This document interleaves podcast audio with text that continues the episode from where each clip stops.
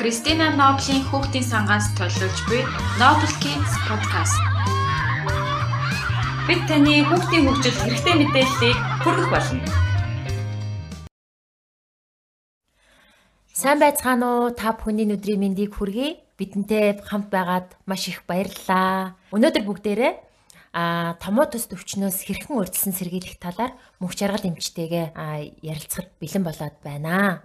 Танд энэ өдрийн мэндийг хүргэе. Та хэд ч гэсэн энэ өдрийн мэндийг хүргэе. Томоо гэдэг нь яг юу юм бэ гэхээр одоо амьсгалын дээд замын өрсөлдөл. Амьсгалын дээд замын вирусын халдвар. Ихэвчлэн томоо бол вирусээр үүсгэгддэг. Жил болгоно л томоогийн вакцин гэж хийгддэг шүү дээ, тийм ээ. Тэгэхээр тэр бол тухайн тухайн жилдээ ямар яг вирусаар одоо дийгдэх үү хамгийн их дийгдэх үү жишээл коронавирус гэдэг юм уу тийм ээ. Тэгэхээр дэлхийн эрүүл мэндийн байгууллагаас жил болгон ер нь одоо энэ 2002 онд ийм төрлийн вирусын халдвар дийгдэх нэ одоо их түгээмэл гарч ирэх нэ гэдэгт нь судалж үзээд а тэрнийхэн дагуу яг нөгөө сэрэг өрсөн сэргийлэх вакцинуудыг гаргаа явуулдаг. Тэгэхээр бид нөгөө хүүхдүүдэд жил болгон томоогийн эсрэг вакцин хийгддэг тийм ээ. Тэгэхээр тэр маань явдаг. А томоо бол өөрөө хөвчлэн бол нөгөө түрүүнээс сая илжсэн вирусээр үүсгэгддэг. Амьсгалын замын халдварууд байгаа. Тэгэхээр амьсгалын дээд зам буюу доод зам аль хэсгийг бол өрсүүлж болдог. Гэмтэж байгааг бол амьсгалын дээд болон доод замын халдвар гэж яриад байгаа. А вирусын халдварын үед бол хөвчлэн амьсгалын дээд зам тийм ээ. Болов ингээ гэмтдэг, өрсүүлдэг ийм халдвар байгаад байгаа.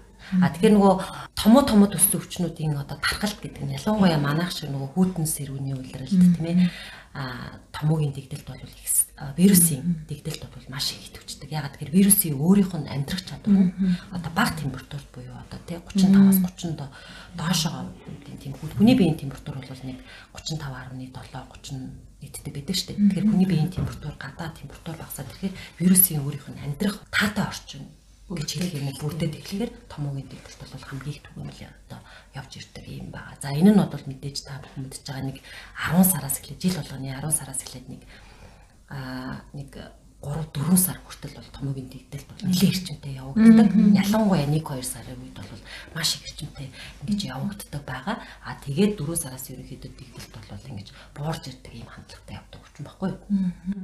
Эцэг эхчүүдийн хувьд тэгдэг чинь манай хүүхэд байнга л ханаад хурчин. За хүрээл арай ээж идэглээ гэхэл дахиад л ханаад хурчлээ. Яах вэ? Манай хүүхэд эсвэл ийм тархлын систем нь ийм сул байгаад байна уу? Эсвэл юунаас болоод юу нөлөөлөд байна? Иймэрхүү асуултууд зэгийн толгойд хэрэгэлддэг штеп. Тэгэхээр яг хідэн нас нь илүү өртөмтгий байдаг вэ? Асуулт тийм маш асуулт.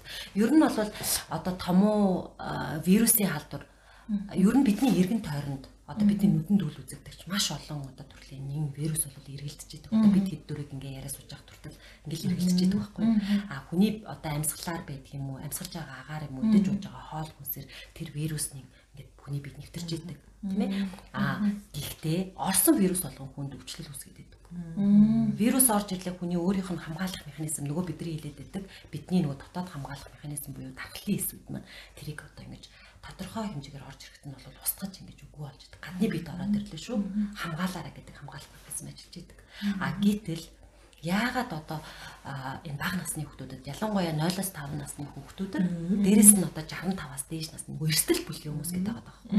Нөгөө тархлаас бол яж идэг тийм ээ. Бага насны хүүхдүүд дээрэс нь 65-аас дээш насны хүмүүс. За дээрэс нь нөгөө архах хөвжүүлчтэй хүмүүс. Одоо бид нар ер нь бол томогийн талаар илүү өргөн ойлголттой очлоо ш нь коронавирусын халдвар гэдэг гарч ирсэнээс хойш тийм хин их хүртөөд байна гэхээр бага насны хүүхдүүд өндөр настай хүмүүс дээрэс нь одоо нөгөө нэг архах хөвчтэй, суур хөвчтэй хүмүүс гэж яриад байгаа ш. Архах тэр нь одоо юу гэдгийг нөгөө тархалт гэдэг юм уу, чихрийн шилжин гэдэг юм аа, артерийн даралт хэсэлттэй ч юм уу, ийм өвчтэй. Ялангуяа хэлийн даралттай ч юм ийм хүмүүс илүү их өртөөд байна. Тэр нь юу вэ гэхээр нөгөө дархлааны систем маань 100% ажиллаж чадахгүй байгаа.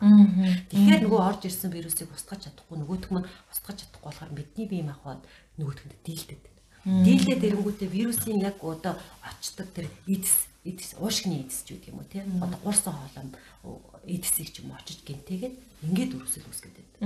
Тэгэхээр хамгийн нөгөө эрсдэл бүлгийн хүмүүс тэд нар байх нь шүү дээ.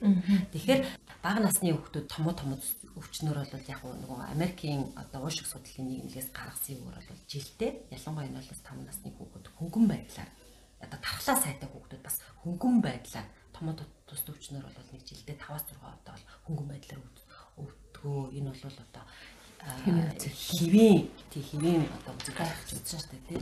Тэгэхээр томоогийн вирус бол яадгүй гэхээр одоо та ингээд аягуулсан ойлголттой болсон байгаа. Ерөөсөө л хүнээс хүнд амьсгалын замаар халдварлагддаг учраас маш хурдан тархалттай байдаг байхгүй юу. Тэгэхээр одоо хүн найтайх тий ханиалгах энэ үед тэр нөгөө нэг амьсгалын замд байгаа шүлсэнд байгаа вирус маань босод хүн лөө одоо ингэж нөгөө ханиахад 7 метрийн цаана хүртэл одоо дамждаг гэж зарим төрлийн вирусууд. Тэгэхээр чи энэчнээс найтахад тэр хүнд очиж халдварлагдана гэсэн үг байхгүй. А халдварлагдаад халдсан болгоно одоо өвчлөн өсгдгүүдийг аягүй сайн ажиллаа шүү дээ тийм ээ сайн. Тийм. Тэгэхээр л бид нар нөгөө томоо томоо төс өвчнөөс урьдчилан сэргийлэх үндсэн аргууд юу вэ гэхээр нөгөө нөгөө одоо амны хаалт зүөх тийм ээ. Амны хаалтыг маш зөв хэрэглэж сурснаар бид нар бас энийг энэний үр дүн мэдэрсэн байхгүй юу. Яг л нөгөө анх коронавирусын халдвар гарч ирж байхад яасан бэ гэхээр хүн болгоно нөгөө амны хаалт зүгээд эхэлсэн чинь хүүхдүүдийн дунд одоо бусад одоо вирус нөгөө коронавирус дээрэс нь улирлын томгийн вирусын аденовирусын халдвар ч юм уу эрс багсаад эхэлж байгаа байхгүй. Тэр чинь юу вэ гэхээр нөгөө бидний маск зүөх А нөгөө нэг хүн хоорондын одоо зайгаа барих. Нэгсэндээ ханиаш найтайхад чи тэр хол байгаа тохиолдолд бол агаар мангал мандалд бол вирус удаан тогтчихдоггүй. Тэгэл хэдэн секунд болоод хүчиж байгаа юм. Яг ингээ ойрхон очиж шууд халтчихаагүй болвол тий. Тэгээд одоо нөгөө биеийн дархлаагаа сайжруулах гэдэг юм уу? Гараа сайн угаах гэдэг. Маш энгийн ийм өдөр тутмын дадал хвшил чинь бид нар одоо тэр томуугаас одоо үржсэн сэргийлэх боломжтой юм байна. Дээрээс нь вакцин тий вакцин маань одоо хамгаалах боломжтой юм байна гэдэг ийм юмуд бол гараад ирчихсэн байгаа байхгүй. Бид нар коронавиг ингээл анх гарч ирж байхад тий хүн болгоо маск зүүх аягүй төвхтэй байна ч юм уу гэдээ ярьдаг байсан.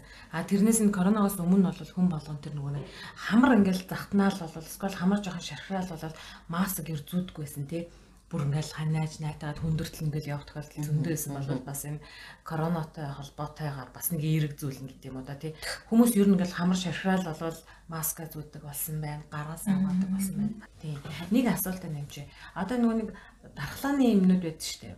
Хүүхдийн дархлаа дэмжих юмнуудыг ингээд бас аяг бичиж өгдөн штэ.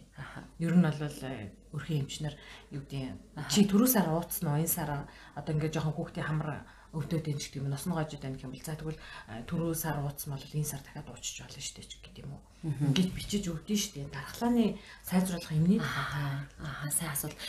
Ер нь бол одоо дархлаа гэдэг чинь хувь хүнд хүүхэд болгонд ингээд төрсэн цагаас эхлээд тогтож идэг зүйл байхгүй юу. Хүүхэд ихэн хөвлөд ахтал анх нөгөө дархлааны эсүүд нь бий болж идэг. Гидсэнд нь одоо нөгөө ашигтай бактериуд бий болж идэг ингээд хамгаалах тогтолцоонд ажиллаж идэг. Тэгэхээр одоо жишээ аваад үзье л да хэрвээ ингээл гэрте бэж идэл чинь э, чи ерөөсөө гэр орноо цэвэрлэхгүй ч юм уу хин нэгэн одоо хурж ирэл гэрээ чинь байнга цэвэрлээд өчтдөг болвол чи яах вэ? Өө шиг шиг. зүгээр сумаар санагдана үстэй хойшоо суучаал өө шиг шиг. Тэр ирээ цэвэрлчих юм чи. Ингээд сүулдэ бүр чи залхуу болоод одоо тархлаад бүр юм гачин юм болно те. А яг тэрнтэй чи адилхан бид нар ингээд хүчээр гатнаас тархлагын дэмжиж тахаар биеийн өөрийнх нь тархлааны эсүүд нь хойшоо суучих гэдэг юм байна. Те хойшоо суучих гад өө нөгөө бэлэн юм нь ороод ирэх юм чи. Би өөр юм хийгээд яах юм. Одоо нэгсэнд хамааралтай болоод дээ. Тэгээ биеийн өөрийнх нь тархлааны одоо систем эдсүүдийн үйл ажиллагаа одоо удаашраад ирдэг. Тэгэхээр аль болох өөрийнхөө дархлааг хүн сайжруулж байгаа. Дархлаа сайжруулах нь хэр хүмүүс тэгээд идэг байхгүй. Нэг хүчтэй энэ тарай хэрэглээд ч юм уу тэр дархлааны юм сайн юм сайн. Ерөөсө дархлаа гэдэг зүйл өдөр тутмын бидний амьдралын хэм маяг. Өдөр тутамдаа чи зөв амьдрах тийм ээ. Одоо нөгөө нэг нойроо зөв зохицуулах хүүхэд авах юм бол ядчил бид нар хүүхдээ иш тунтуулаад сургачих юм бол энэ хүүхдийнхээ одоо бид нар эрүүл мэндэд хийж байгаа маш том хөрөнгө оруулалт эцэгчүүд аягүй ойлгох. За хүүхэд өдөрт хитээс нас насан самаар янз бүр дээ. Ялангуяа бага насны хүүхэд 0-5 насны хүүхэд бол өдөрт 12-оос 14 цаг байгаа хэвээр. Орой 9 цаг гэхэд бүр хамгийн хой талдаа 9 цаг гэхэд орондоо ороод гүн ойронд орц байгаа хэвээр. За тэгээ нойр гэж юм тийм ээ. А хоёрдугаар хоолол. Аль болох одоо өдөр тутамдаа бид нар шимт хичээлтэй хоол хүнсийг тогтмол хэрэглээ. Нөгөө нэг чихрийн хэрэглээ, ундаа, жүүс те хамгийн их хүний дархлааг сулруулж идэг гизний одоо үйл ажиллагааг алдагдуулж идэг тэр зүйлүүдийг хасаад шимт хижээлтэй аль болох олон нэр төрлийн өнгө алгасан одоо хоол тийм ээ улирлалтанд тохирсон энэ хоолыг хэрэглүүлээ сурч. А гуравдугаарт нь хүүхдийг идэвхтэй дасгал хөдөлгөөнтэй авах. Хүүхдүүд ингээд маш юм идэвхтэй тэр чинь маш их энергитэй байгаа. Тэр хүд одоо яг өвлийн үйлрэл бол Монголд бол үнэтэй хэцүү юм тийм ээ. Гараад гарын ихээр удаатай ч гэдэг юм уу эсвэл гүтэн ч гэдэг юм уу. Гэхдээ гэхдээ бид нар өвөлч гэсэн тохирсон дасгал хөдөлгөөнийг нь олж хийлгэх тийм ээ. Хагасаа бүтэн сайн дээж автагаа уулын талхдаг юм уу, гүйж хараалга юм уу. Энэ дасгал хөдөлгөөн өдөр тутамдаа тогтмол дасгал. Тэгэхгүй сүүлийн үед хүүхдүүд маш их хэмжээгээр хөдөлгөөний дутагдалд орж байна л да. Ерөөсөө гэртээ сууж яадаг. Тэгэл утас үзээд юм уу зургт үзээ сууж яадаг. Итгэвтэй хөдөлгөөн ерөөсөө хийхгүй. За ингээ хөдөлгөөн одоо юу юм нойр, хоол тэгээ сэтгэл санаа. Тэгээ бид нар нөгөө нэг одоо та сэтгэл зүйчнэр бол мэдчихэж байгаа.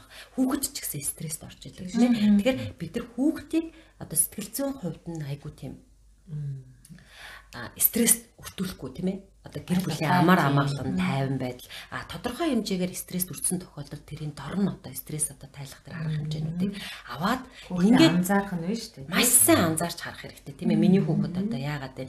Ер нь тэгээд эрүүл мэндийн асуудал, сэтгэл зүйн асуудлыг хүн гаднаас хараад мэдэгддэг шүү дээ тийм ээ. Хүний одоо арьсан дээр гарч ирнэ, нүдний харцсан дээр гарч ирнэ. Ядчил гарын бариад үзэхэд гар нь хөлөрчихсөн байна уу? Сүүлийн хүүхдүүд айгүйх тийм гар нь хөлөрчихсөн хүүтэн чигтэй ингээ явж идэг тийм ээ. Энэ нь юу вэ гэхээр ерөнхийдөө одоо тэр маш их одоо хүүхдүүдийн бидний хэлдгэр бол яг эцэгчүүдийн хэлдгэр ядаргаа гэдэг дистоны мэдрэлийн гаралтай одоо мэдрэл сүлжээ хам шинж гэж ярьдаг байхгүй ядаргаа. Тэгэхээр тийм тийм юмнуудыг бид нар өдөр тутамд нь анхаарад ажиглаад арга хэмжээ аваад явчих юм бол хүүхэд бол бүр максимум сайн дархлаатай байдаг. Ээж аваараа хайрлагдаад үсцэн тэрвэгдээд үсцэн ч юм уу хүүхэд тэр болгон ханаа томгоор өвдөд идэггүй та хэд нэг эргээд бодоод үзээрэй те. Эцэг их асран хаал шиг бид нар нэг маш их завгүй ажиллах амьдрахын хэрэгцээ шаардлагатай нөгөө нэгэн дээр. Яг түгээр дамжуулаад яг хүүхдүүдэд бид нар нөгөө анзаардаг.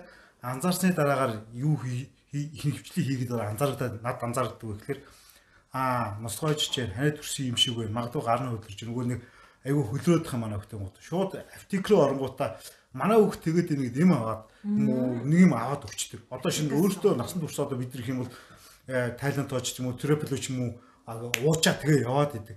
Энэ юу нь яг зөв юм уу, буруу юм уу? Ер нь нь одоо ингээ хэр оновчтой вэ? Энэ талаар та бас хүмүүстэй мэдээлэл өгч. Аа. Сайн асуулт. Тий. А энэ бол маш буруу. Би бол яг эмч хүний хувьд бол шууд хэлдэг. Аа, ерөөсөө дур мэдэн хүүхдийг гэрт эмчлэхгүй гэдэг асуудал байгаа да. Заавал эмнэлгийн байгууллагад хандна, эмчит хандна. Тэ а хандчиж эмчилгээ хийвэл одоо манайхны нэг том асуудал чинь байхгүй юу? Өмнө одоо бол харьцангуй гайгүй нэг антибиотик чи эмчийн заавар бичдэг учраас хамаа намаагүй антибиотик хэрэглэхэ болчиход байна тийм ээ. А өмнө нь бол ерөөсөө бараг нус нь гоожол эхлэнгүүт аптек руу гаж ирэл юу сайн бэ гэдэг. Аптекийн эм зүүч болохоос биш тэр хүн бол эмжилдэг юм биш шүү дээ.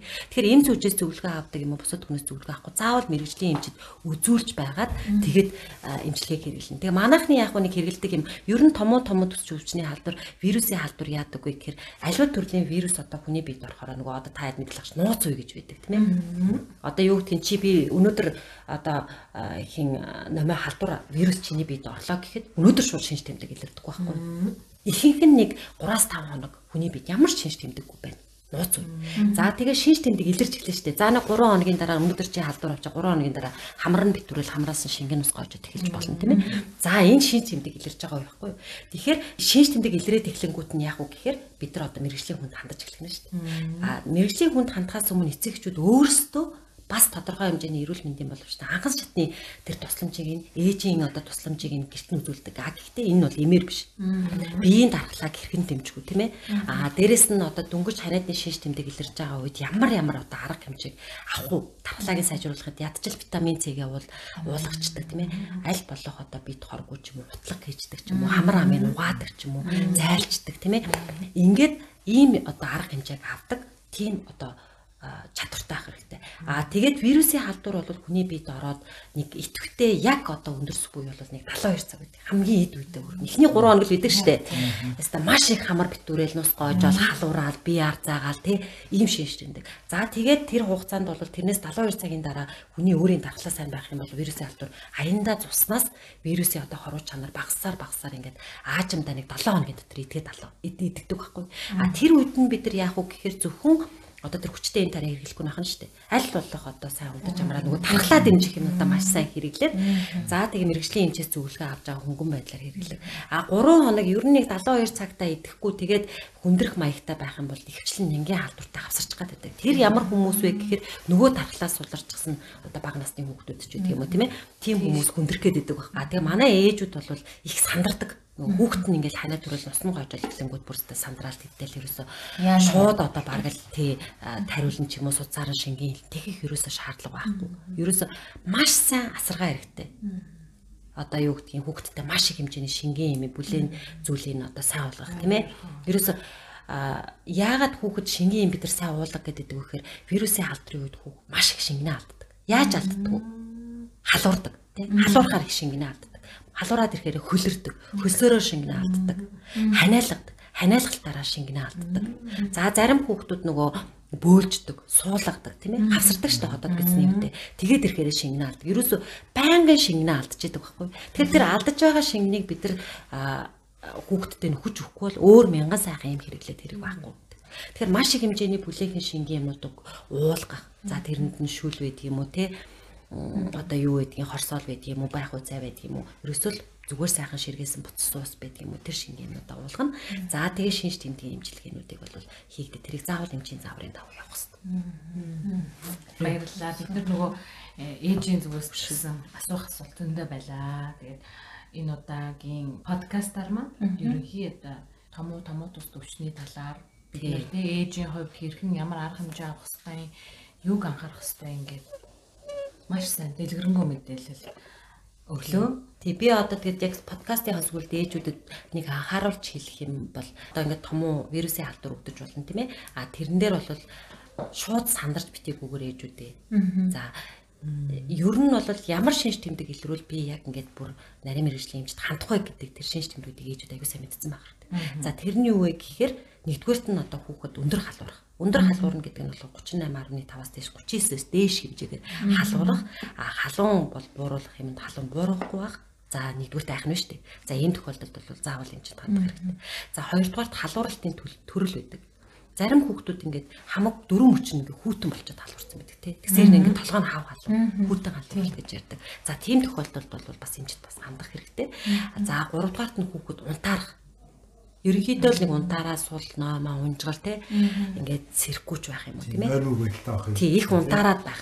А дөрөвдүгээрт нь одоо бөөлжж болно шүү дээ. Бөөлжөд а одоо эзэн усан болгоно бөөлж гаргаад юу ч тогтоохгүй болох тий. А тэрнээсээ болоод одоо хүүхдийн нүд хонхох шингэн алдaltaй шинж тэмдгүүд байдаг байхгүй юу? Нүд нь хонхох, ам нь хурааших. За ийм шинж тэмдэг илэрсэн.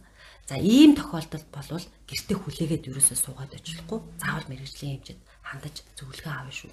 За өнөөдрийн маань ярилцлаганд мэдээлэл өгч залуу ээжүүдэд тэр ялангуяа бага насны хүүхэдтэй ээжүүдэд анхаар анхааруул зохих зүйлүүдийг хэлж өгсөн, зөвлөн тусалсан эмч мөнх жаргалдаа маш их баярлалаа. Бид нар дараагийн дугаараараа үерхэл нөхрөлийн харилцааны тухай маш сайхан ярилцлагыг өрнүүлэх болноо. Анхаарал тавин сонссонд та бүхэндээ баярлалаа. Кристина Ноблийн хүүхдийн сангаас төлөвлөж буй Noble Kids podcast. Бид таны хүүхдийн хөгжилд хэрэгтэй мэдээллийг хүргэх болно.